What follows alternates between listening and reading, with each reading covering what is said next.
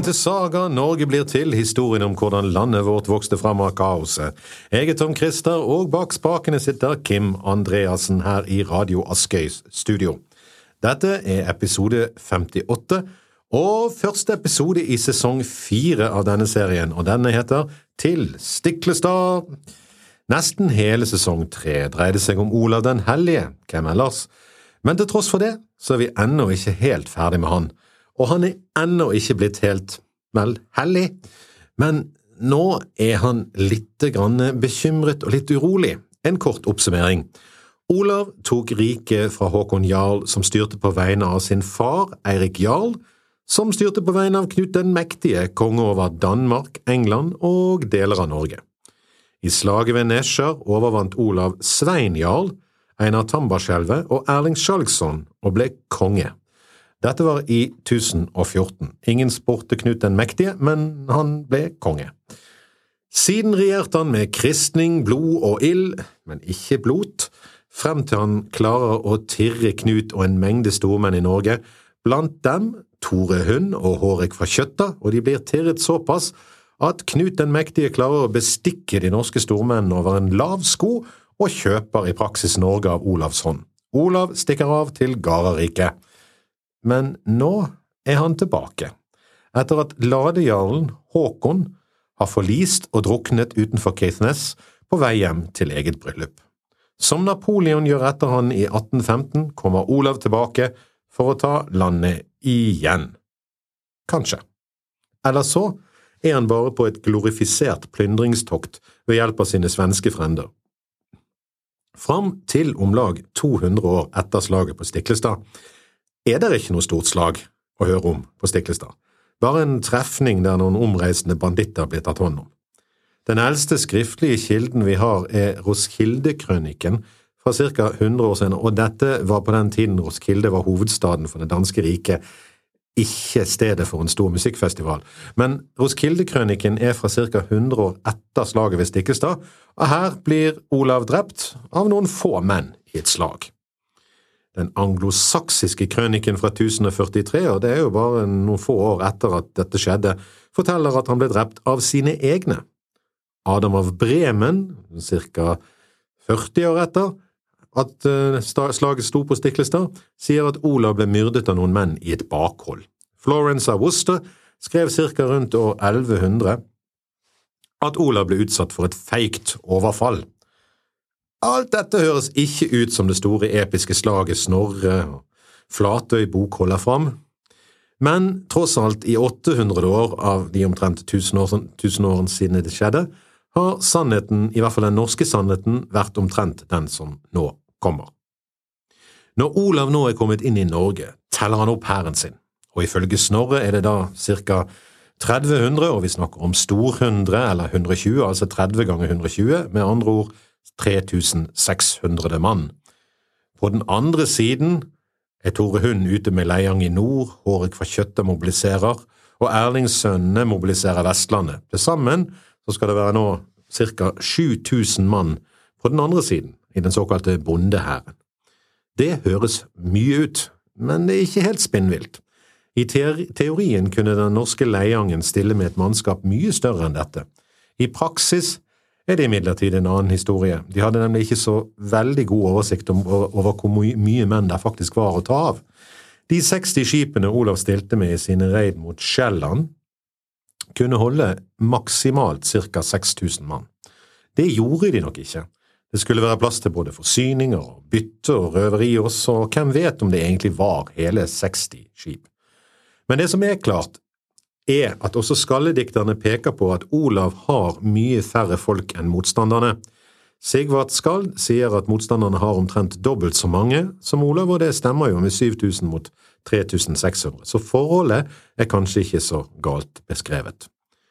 Men nå har Olav en utfordring. Når hæren skal telles opp, viser den seg å inneholde 900 hedninger! Oppsann!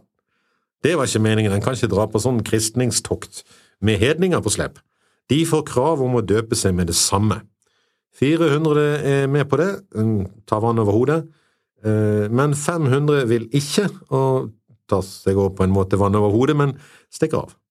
Dermed mister Olav 500 mann før kampen i det hele tatt er begynt. Eller gjør han det? Der kommer noen til også, så når det gjøres manntall igjen, viser det seg på underlig vis at det er nøyaktig like mange, 3000, 3600 mann, til stede. Eller litt grann mer. Nå skjer underet over en lav sko rundt Olav, så ingen rynker på nesen av at de 500 som ble borte, plutselig er på plass igjen. Eh, det er ikke det største underet som skjer i denne sammenhengen, så, så greit med det. Hæren består nå av flere deler eller divisjoner. Det er for det første de fra den svenske kongens hird, og eh, med de andre svensker som Olav har klart å lokke med seg. Så er det Dag Ringsunds 1200 svenske mann i andre divisjon. Dernest er det halvbroren Harald Sigurdssons menn i, som en tredje divisjon, og Olav har også sin egen hird og andre nordmenn som har kommet til underveis som fjerde deling eller divisjon. Og nå beveger denne hæren seg nedover dalen mot Stiklestad. De vet ennå ikke at det her slaget skal stå, men de får nå meldinger om at noe er på vei for å møte de. Olavs menn kommer tilbake til han og forteller at på, på alle gårder de kommer, så er det enten helt tomt for våpenføre menn, de er dratt for å bli med i leiangen mot Olav, bondehæren som de kaller den, eller så bare nekter de å være med i Olavs hær fordi de ikke vil slåss mot uh, frendene sine som er i bondehæren. Finn Arneson foreslår å brenne alt og røve det de kan få med seg. Ja vel. Tormod Kolbrune Skald kveder et kvad som begynner sånn. La oss brenne alle gårder og alt vi finner innenfor. Men Olav vil ikke det. Om de brenner alt og alle, så er det jo ingenting igjen å styre, skal han bli konge igjen. Dessuten er det ingenting å dele på de som har vært med på hans ferd heller. I stedet gir han mennene beskjed om å fare mildt frem.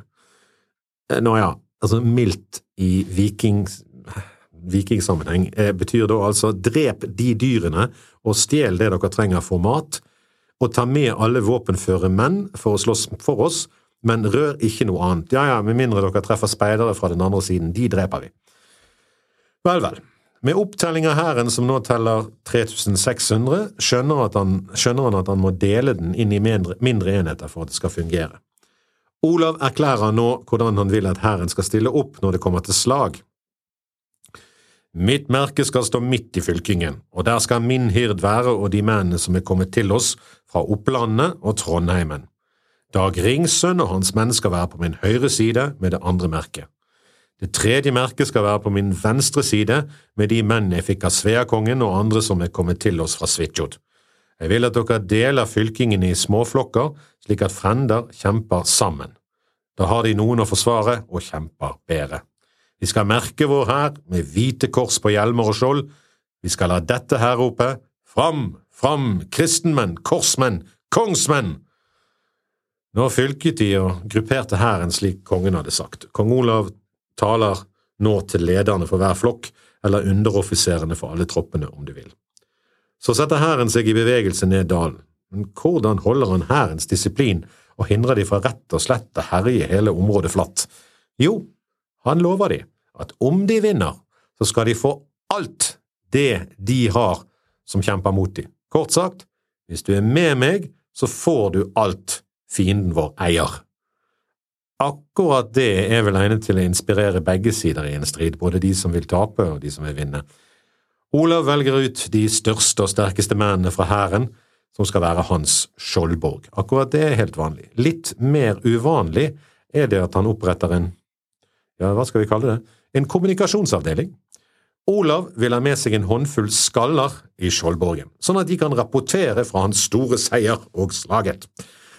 I dag ville vi kalle det spinndoktorer, eller sånn eh, innbakte reportere. Den gang kalte de det skalder. De satte straks i gang, og hver av de diktet med en gang hvert sitt vers, til inspirasjon. Og de kvadene er ganske interessante, sånn i historisk sammenheng. Uten å gjengi de helt, så er det tre ting som er verdt å merke seg. For det første, det som ikke er der.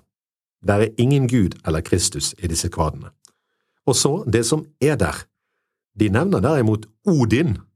La oss felle trøstig trønder i Odins uvær. Ja vel, ja. Med andre ord, det er ikke sånn at det er misjonen som er mennenes inspirasjon, det er de gamle idealene om kamp og Valhall og helter og einherjer. Dernest nevner de kanskje, og jeg understreker kanskje, svenskekongen. La oss i kampen være kongen til trøst i øster. Kan dette være for inspirasjon til svenskekongens hird som er med her? Ingen gud, men Odin og svenskekongen. Dette lille kinderegget kan tyde på at krigsropet som før var avtalt, kanskje ikke var inspirerende nok, for som det er skrevet, disse versene som de tre mm, skaldene kvedet nå, de lærte mennene straks og med en gang, uten problemer. Hele hæren kunne altså disse. Kanskje er Odins referanse også en antydning om at hæren fortsatt hadde nok av hedninger? Å ja, ja, svensker. Hele hæren skjønte også nå at det nærmet seg et eller annet. Tomme gårder og speidertropper ga de frempeik, altså speidertropper fra andre siden. Olav beordra hele hæren til å gå kampklar fram. Når natten kommer, sover alle på skjoldene sine. Alle er klar. Men dette sliter også på. Alle er, for å bruke en litt mer moderne terminologi, en som ikke var kjent den gangen, alle er stresset. De sover dårlig. Det gjør også kongen. Han får ikke sove, eller våkner usedvanlig tidlig. Sagaene skriver at han ber, og det gjør han sikkert. Ola blir liggende og stirre ut i grålysningen. Det kommer et tungsinn over han. Han snur seg til en av skaldene fra kommunikasjonsavdelingen og rister han våken og ber om et kvad. Skallen våkner litt i ørska og, og drar fram en gammel eh, hit han har på rams høyt sånn at hele hæren hører det. Ei er vekker til vin eller til vivs tale, men heller til Hilds håre lek. Hils håre lek, vel, du skjønner sikkert at det er kampen. Hele hæren skal ha gitt bifall og gledet seg over dette kvadet, denne gamle hiten. Nå begynner de mørke frempeikene i sagaene å bli mange. Det er sjelden, eller kanskje aldri før, at vi har hørt om en konge på vei til kamp som er helt tydelig urolig og engstelig, sånn Olav er nå. Dårlig søvn, bønner om natten, tungsinn om morgenen som forsøkes jaget vekk med underholdning i form av kvad. Dette er ikke en konge som er sikker på utfallet eller trygg på hvor han går hen. Men tro har han i hvert fall, for bonden der de har overnattet, det må være trangt på den låven, han får en pung sølvpenger, altså 3600 mann på låven, det, det er tett. Han får altså en pung med sølvpenger. Han lurer på om dette er sjelepenger, altså betaling for å få inn i himmelen de som faller. Nei, sier Olav, dette er sjelepenger for de i bondehæren, for de av oss som faller, de er frelst allerede. Nå deler de opp hæren igjen og går nedover dalen. Olav følger hovedveien i midten, som kongen skal, og flankene holdes av Dag Rings sønn og svenskene. Olav har bestemt at de skal holde tynne fylkinger for, for, å hindre at de blir omringet i slaget som må komme. Vi kan se det for oss. 3600 mann brer seg ut i hele dalens bredde og går manga mellom trær og langs stier og langs en smal krøttersti eller færavei nedover dalen. Det er som en menneskelig sverdbærende bølge siger nedover dalen. Olav går i midten med sine bestemenn. Det går ikke fort, men disse mennene er vant til å ferdes i ulendt terreng, så denne dalen er en liten hindring. Beitedyr og landbruk i området holder krattskogen nede, så det går greit å komme seg fram langs stier. Ved Stiklestad ropes det holdt, eller i alle fall stanser det opp her. Nå kan de se kanskje at eh, bondeherren samler seg på andre siden av sletten, men ikke helt ennå. Bondeherren kommer også i grupper, og det er ikke så lett å se hvor de er og hvor slaget til slutt skal stå. En av gruppene en ca 30 mann i en slags speidertropp, kommer overraskende på Olavs menn der de trer ut av skogen. Troppen forsøker å storme unna, men Olav sender gjestene sine etter de. Som vi husker er gjestene mest for et slags… ja, det er de skumleste av de skumle i hirden, et slags Gestapo, et hemmelig politi. De gjør kort prosess med de 30. Første slagpoeng går til Olav.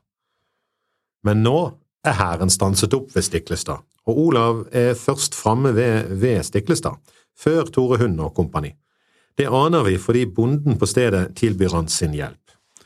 Eh, hadde den andre hæren vært framme før, så hadde han sikkert tilbudt dem sin hjelp. Olav takker og bukker, men ber han heller sørge for at de som faller på hans side, blir tatt hånd om, og det lover bonden at han skal gjøre, hvis han får lov. Dag Ringssons divisjon er ikke kommet fram ennå, så Olav mangler sin høyre flanke. For å unngå å bli overrasket ber han opplendingene ta opp det merket Dag skulle hatt, og fylker hæren, vil si stiller den opp i kampformasjon. Dermed er det Olavs yngre halvbror, Harald Sigurdsson, som tar flanken. Igjen aner vi at Olav er usikker på hvordan dette vil gå. Han forbyr først Harald å slåss der, fordi Harald er for ung, mener Olav. Men Harald, som den tenåringen han er, fnyser av det. Skulle sverdet bli for tungt, har jeg råd for det, da binder jeg sverdet til hånden. Ingen skal ha bedre vilje enn meg til å gjøre bøndene skade. Du store all verden, det er en annen tid. Han slenger på et kvad for godt mål også, og dermed er det gjort. Olav humrer nok til ynglingen, men kan ikke nekte han å kjempe. I hvert fall ikke når han har til og med lagd et kvad om det. Nå står hæren klar til kamp ja, det vil si minus Dag Ringsøns 1200 menn. Det er ikke en liten bagatell, akkurat, og det skal nok skape litt utfordringer senere. Olav taler til hæren, og det han sier til dem, er oppsummert at de skal gå så hardt på som de bare kan i starten, for å sette skrekk i bøndene med en blitskrig og knekke kampmoralen deres, siden de har flere menn, og det betyr at dersom slaget trenger ut, så vil folk bli slitne, og da vil antallet i bondehæren kunne være avgjørende. Da kan de liksom la noen hvile mens andre slåss, og så fortsette sånn. Det er flere hender å dele arbeidet på. Men samtidig sier han noe annet. Ikke vil jeg fly fra dette slaget, men seire eller falle i denne striden. Han vil kjempe til siste blodstråpe, overgivelse og grid kommer ikke på tale. Videre sier han, vi skal trøste oss til det at vi har bedre sak enn bøndene, og til det at Gud vil frelse oss våre eiendeler etter dette slag, eller, også for det tap som vi her får, gi oss meget større lønn enn vi selv kan ønske oss. Ja, som, som man alltid pleier å si i religionen, får sin lønn i himmelen. Alt dette snakket om farer og tap, dystrere og dystrere blir det etter som tiden går mot slaget. Det er nok til dels litterære frempeik som sagaskriverne legger inn i ettertid, en slags parallell til Kristus som vet at han skal dø og bli forrådt, men alt tyder på at det er en nervøs konge som går til denne striden en konge på grensen til defatistisk. Men Olav avslutter som en drillo som forklarer hvordan en skal vinne mot overmakten. Men hvis vi trenger så hardt fram at de viker unna, altså de som er de fremste, da vil den ene falle oppå toppen av den andre, og da vil deres uhell bli så mye større siden de er så mye flere. Hæren bryter ut i tilrop og egger hverandre, en Tord Folesønn får kongens merke og er altså hans merkesmann. Olav er kledd i en gyllen hjelm som Håkon den gode. Skjoldet hans er merket med et kors i gull. I hånden holder han et spyd, og sverdet Neite, hans berømte skarpe sverd, henger rundt livet. Sagaen legger også vekt på at han har brynje på seg, kanskje en av de side normanniske brynjene. Det er uvanlig å legge vekt på at han har brynje, for det har jo alle stormenn i en sånn kamp, men altså, han har brynje. Og nå er he nesten hele hæren oppmarsjert og klar. Vi venter fortsatt på Dag Ringsønn. Mm, på tide kommer, kanskje, men, uh, men, han er ikke der. Men det er ikke fienden heller.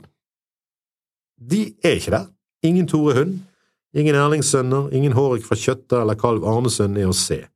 Einar Tamba-skjelvet tar det fortsatt rolig på vei hjem fra England og kommer ikke til å dukke opp. Der er altså ingen fiende å se. Det blir et lite antiklimaks nå, uten fiender i sikte, lar Olav hæren setter seg ned og hviler. Og det er ikke dumt. Heller komme uthvilt til slaget enn utslitt til slaget. Den engelske kong Harold Goodwinson skal erfare det 36 år seinere.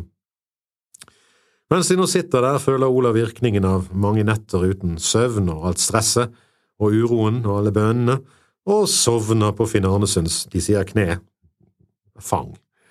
Olav drømmer. Han drømmer at han er på en lang stige. Olav går oppover trinnene på stigen og ser at den rekker helt inn i himmelen. Himmelen åpner seg, den sprekker opp, og han er på det øverste trimmet i ferd med å tre gjennom perleporten. Akkurat da ryster Finn Arnesund han ut av søvn. Hvorfor vekker du meg, Finn, hvorfor lar du meg ikke nyte drømmen? Det er vel viktigere å være våken og se den hæren som kommer mot oss, sier Finn. Olav snur seg for å se, men er fortsatt sur for at Finn har vekket ham fra drømmen, han var jo så nær å se jomfru Maria og komme inn i himmelen. Nei, de er nå fortsatt så langt unna at det hadde vært bedre om jeg fikk drømme ferdig. Hva drømte du? Olav forklarer drømmen med begeistring. Han var så nær himmelen, han hadde bare fått sove litt til, så kunne han sett inn i… Finn er ikke begeistret. Han ser det som et mørkt frempek. Jeg tenker at dette bærer bud om din død, hvis det er noe annet enn søvnørske som uh, røpes for deg i denne drømmen. Ja, det var ganske klar tale. Selv ikke Finn er så optimistisk nå. Nå begynner frempeiken å bli så mange at selv en lite overtroisk, ateistisk skeptiker og vitenskapsmann ved Instituttet for utryddelse av overtro, tro og fantasi skulle ha begynt å bli urolig innerst inne i den ikke-eksisterende sjelen sin. En vikinger på tusentallet, derimot, ville også normalt ha blitt svært urolig over alle de gjærtegnene som beskrives. Men nei da, opp og stå, for her kommer bondeherren. Nå er det et underlig skue på Stiklestad. På den ene siden renner det nå inn med folk fra bondehæren som gjør seg klare. De skal kjempe for en dansk konge. På den andre siden står en tidligere norsk konge med en hær som hovedsakelig består av svensker, ja ja, når Dag Ringsund først kommer frem, da. Hvem er det egentlig som kjemper mot hverandre her, er det dansker og svensker, eller er det en stedfortrederkrig mellom svensker og dansker? Akkurat i øyeblikket er det 50-50 i Olavs hær, som sagt, fordi Dag Ringsund fortsetter et eller annet sted oppe i skauen og ser ut til å komme for seint til slaget. Slettens ene ende fylles nå sakte opp av folk fra bondehæren. Jeg kan spørre seg hvorfor ikke Olav bare angriper med en gang før hæren får samlet seg, men det er et rituale for dette, i alle fall i sagaene. Men før vi blåser til slag, må vi se litt på hva som har foregått på den andre siden.